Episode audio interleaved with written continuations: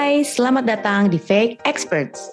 Di podcast ini kita akan berbagi cerita tentang perjalanan hidup perempuan dan multiperannya. Karena di setiap cerita pasti ada pelajaran hidup untuk menuju versi terbaik diri kita. Selamat mendengarkan. Lo pernah gak sih ngerasa perasaan hampa yang kadang itu suka datang dan pergi gitu? Pernah banget gitu. Um, come and go ya, kalau gue. Every now and then tuh ada ya. Kayak kita pernah bahas juga sih dulu. Kayak kenapa ya kadang suka ngerasa-ngerasa kayak demotivasi, nggak ada tujuan hidup. Iya, eh, cemas gitu yang kayak berlebihan atas apa sih gitu kadang. Iya benar. Ternyata itu ada ininya ya. Ada hubungannya dengan yang namanya existential crisis. Mm-mm, exis- existential crisis. Ternyata menarik ya. Jadi bukan kita doang nih yang ngerasa kayak gitu, Tan. Gitu ya. gue sih maksudnya apalagi lately ya gitu ketika anak lo tuh udah mulai besar, Mm-mm, udah mulai eh, nggak bisa diatur, Iya, kayak buat apa gue ada di dunia ini? Gitu. Kayak anak gue tuh udah mulai nggak mau dengerin iya, kayak gitu-gitu. Terus eh, perasaan mungkin useless ya gitu. Kayak nggak berguna nggak apa ya ya kurang eksis lah gitu.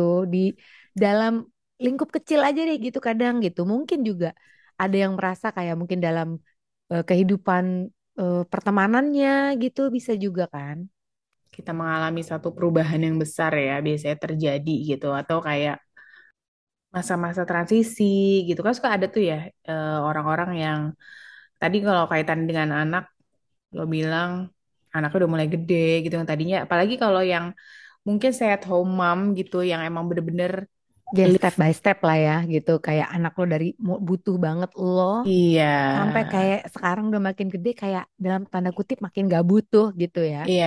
Apalagi yang emang dedicated banget ya. Jadi kayak apa namanya hands on banget. Terus kayak perasaan tuh dari dulu udah terencana hidupnya sampai anak gue tuh nanti akan menjadi orang yang seperti bayangannya gitu kan. Tiba-tiba pas gede dia eh, berubah gitu kan. Dia punya petnya sendiri, punya kesukaannya sendiri dan lain sebagainya. sehingga si peran ibu ini tuh jadi uh, detach gitu ya jadi dari dari kita gitu nah itu yang mungkin biasanya uh, banyak terjadi juga ya di ibu-ibu yang ya mungkin anak-anak yang udah beranjak dewasa kayak masa-masa kuliah gitu apalagi kalau kuliahnya jauh nah itu mungkin uh, ibu-ibu yang suka merasa hampa ini sebenarnya lagi mengalami existential crisis ini ya iya bisa jadi nggak utamanya itu tapi bisa jadi iya gitu Em, si existential exis- existential crisis ini tuh berperan lah gitu di dalam Hmm. perasaan hampanya itu gitu Karena ini ada lima tipe katanya existential crisis. Kalau menurut scienceofpeople.com, jadi ada bisa dikategorikan menjadi lima ya. Situasi-situasi ini yang uh, bisa menimbulkan existential crisis dalam diri kita. iya ya di saat-saat kita mulai meragukan apa arti hidup ya kan sekarang kita mau ke mana gitu Uh, apa nih freedom and responsibility, kebebasan dan tanggung jawab ya.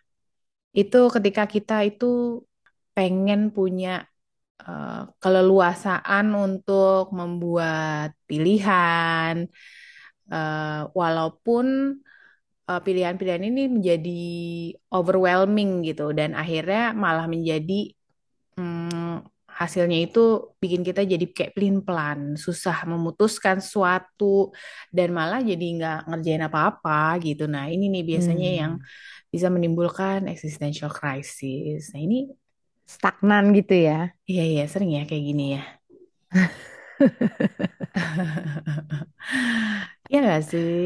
iya iya iya iya iya Kadang kan setuju kita gue eh, dalam apa namanya peran kita lah ya sebagai perempuan gitu kan.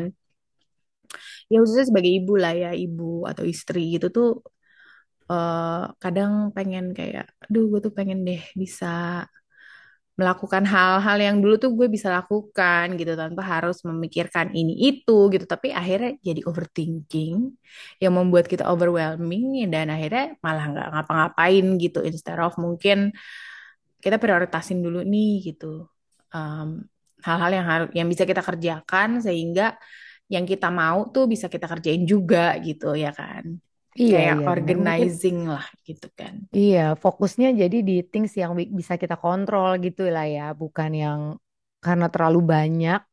Kadang kan apa-apa yang nggak bisa ki- kita kontrol, maunya kita kontrol juga gitu kan. iya Itu kan bisa betul juga kan jadi salah satu penyebab lah gitu, kayak akhirnya jadi existential crisis, banyak terlalu jadi banyak mempertanyakan gitu. Yang iya ujung-ujungnya kadang bikin motivasi kurang ya nggak sih? Kayak kayak kebanyakan ya aku lelah gitu. Iya, iya. Jadi ya tadi itu ya kayak hmm, kampanye ini nih bikin bikin jadi apa ya? Menghambat semuanya lah ya gitu ya. Mau maju Mm-mm. salah, mau mundur salah, mau Ya kanan nggak mungkin masa mundur gitu Oh iya kan. iya iya.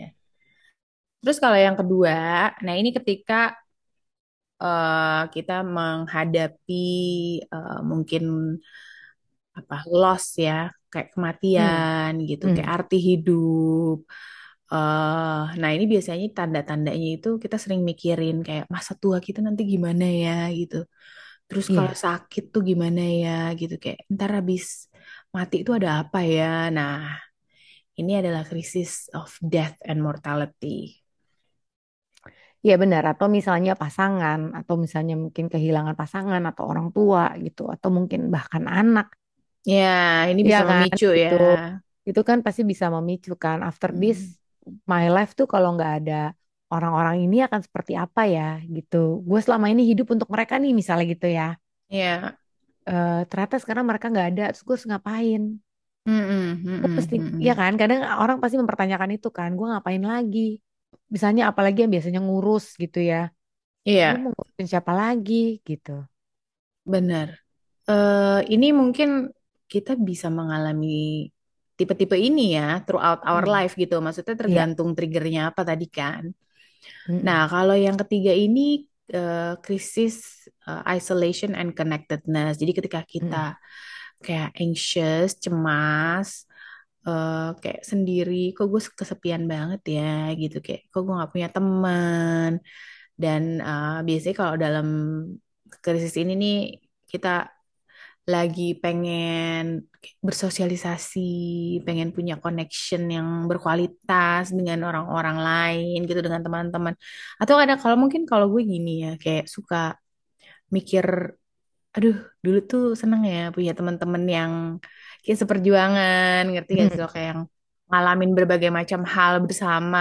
Kan kadang gitu ya, suka sampai Ya, mimpi-mimpi masa lalu atau gimana gitu.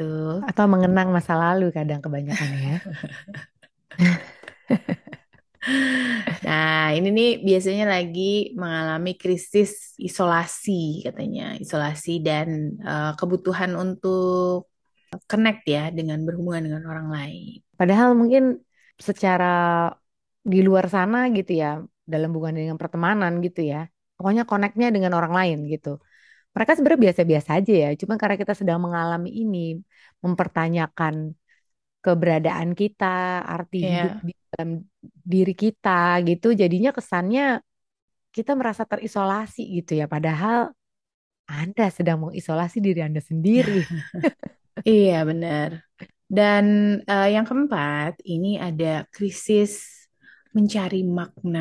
Jadi eh, krisis of meaning and meaninglessness gitu. Jadi kalau misalnya mungkin, nah ini mungkin banyak kayak yang bisa relate ketika kita merasa kita lagi di satu fase yang kayaknya eh, block gitu ya, kayak Hmm, mental block gitu kan, jalan buntu nih. Dan ya udah lo lakuin aja karena this is how, what am I supposed to do gitu dalam hidup ini gitu. Nah mungkin kalau kita kayak bosen dengan pekerjaan tuh biasanya kan suka ada ya masa-masa yang eh, dalam bekerja itu kayak aduh nggak ada motivasi kayak udah nggak iya. ada passion tapi gue harus tetap kerja harus cari uang ya kan Nah, eh, ketika ini terjadi tuh biasanya eh, yang membuat kita cemas tuh karena kita tidak bisa membuat perubahan dalam eh, si situasi itu gitu. Iya, atau mau berimpact gitu ya. Tapi kan kadang impact itu kan macam-macam ya gitu ya nggak sih? Misalnya orang yang sudah berkelu- berkeluarga terhadap anaknya sendiri, kehidupan anaknya misalnya, atau kehidupan pasangan atau kehidupannya dia sendiri gitu loh. Itu kan hmm, berimpact juga kan. Cuman bayangan kan kalau kita harus berimpact ke society itu kayaknya gede gitu. Padahal kan mungkin ya dimulai dari lingkup diri yang kecil. Iya, iya. Betul. Nah, ini makanya kenapa penting ya. Nah, ini mungkin banyak ya sih yang lagi mengalami existential crisis in terms of ini tadi ya, meaning dan meaninglessness. Terutama Iya. eh, ketika kita apa namanya melalui pandemi ya tahun lalu tuh Mm-mm. dua dua tahun lalu mungkin ya khususnya di 2000 kali ya eh 2020 gitu Iya. ketika orang setelah mulai eh, bisa keluar tuh jadi kayak lebih appreciate hidup kayak eh, kita tuh bersyukur gitu masih banyak yang eh, apa, sehat gitu di keluarga dan lain sebagainya. Itu tuh jadi kayak wake up call gitu kan yang banyak orang yang akhirnya men- meng-shift atau merubah apa ya kayak misi hidupnya gitu. Ya nggak sih? Yang kayak gue tuh selama ini nyari uang terus kayak sebenarnya bukan waktu itu gitu ya. heeh, gitu sebenarnya bukan itu purpose gue dalam hidup gitu kan Eh, sama ya banyak orang yang lebih menyadari mungkin ya pentingnya kayak apa self love kayak mindfulness untuk diri sendiri dan appreciate the moment gitu kan Iya, benar-benar. Ini kalau yang kayak meaningful ini kan pasti kan ya arti hidup lah ya kebanyakan ya. hmm Nggak spesifik di pekerjaan tapi hidup secara hidup seseorang secara luas lah gitu. Itu kan ya bisa juga kayak ketika lo em, memasuki usia-usia tertentu. Kadang kan ada tuh hmm ya kayak gitu. Em, hmm let's say biasanya tuh apa ya umur let's say mau 40. Itu kayaknya tuh kalau di hidup eh, orang kan kadang kayak gila gue udah mau 40 gitu tuh. Jadi apa ya gue masih gini-gini aja kah? Atau ya apa impact tadi kita udah bicara impact gitu, impactnya kayak gimana? Atau gue harus seperti apa nanti gitu? Atau misalnya menjelang let's say 50, hmm 60 ya kan yang kayak ada fase-fase usia yang kadang tuh ya itu bikin lo mempertanyakan arti hidup gitu. Apa aja sih gitu kadang yang membuat kita tuh jadi krisis iya eksistensi gitu. Ini iya gue iya cari nih ya, kayak di hmm, withtherapy.com. hmm Ini dibilang kayak starting a new life stage. Tadi kan kalau misalkan memasuki usia tuh ya kan, pasti ada tuh kayak gue apa ya, gue harus gimana ya, umur gue udah hmm sekian, gue ngapain lagi ya gitu. hmm Akhirnya jadi mulai nih men-trigger kan nih eh, mempertanyakan eh, eksis- eksistensi kita di dunia ini gitu. Pengalaman dalam hubungan ya, perubahan, perubahan, perubahan eh, experience di relationship itu bisa juga tuh. Tadi contohnya yang death tadi itu kan juga hubungan yang berubah, ya kan? hmm Kayak perceraian, menjadi seorang ibu, ibu baru, misalnya iya punya bayi, gitu kan pasti ada perubahan-perubahan tuh. Iya. Lo ngalamin gak dulu kayak ya waktu lo jadi ibu akhirnya gitu, ya lah kayak gini ya, gue ngapain lagi, gue harus kayak gimana? iya iya pasti ya. Itu eh, awal-awal punya anak kayaknya paling banyak ya ngalamin si krisis-krisis ini ya. Eh, Hmm, mungkin bergantian ya tapi eh, mungkin ada kecenderungan yang lebih sering dialami gitu nah mungkin kalau gue yang ini yang si crisis of meaning ini ya meaning and meaninglessness ini. Ya itu kayaknya banyak sih ya karena luas banget kan gitu, jadi hmm bisa mencakup segala aspek kehidupan aja gitu. iya benar-benar Terus ini tadi ada juga yang udah lo bilang tuh, career hmm, path. Nah, ini biasanya juga banyak orang yang merasa akhirnya men-trigger gitu ya mereka untuk, iya, men-trigger mereka untuk akhirnya mempertanyakan gitu. Kayak gue udah di posisi ini, atau gue di posisi yang ini-ini aja. Mm-mm. Akhirnya kan lo mempertanyakan gitu kan, apakah gue harus mulai mencari pekerjaan baru? Iya Apakah gue harus stuck di sini aja sampai nggak tahu kapan kayak gitu-gitu kan itu juga tuh yang bisa Iya. men-trigger eh, orang mempertanyakan makna arti hidupnya dia gitu Which is kalau cari kerjaan baru juga kadang nggak solve the issue ya. Jadi Iya karena and passionnya udah nggak ada biasanya kan. Iya, atau Kayak, ya nggak semudah itu juga gitu loh kan banyak mm, pertimbangan apalagi orang-orang yang mungkin udah berkeluarga gitu ya. Banyak kan hal-hal yang kayak ya gajinya misalnya gue di situ kayak sustainable enggak gitu loh. Ini perusahaannya atau apanya gitu kan. mm-mm. Eh, sama ada lagi ini, moving. Eh, pindah Nah, ini tuh. ya, Ini coba. especially for individuals who have recently immigrated to a new country.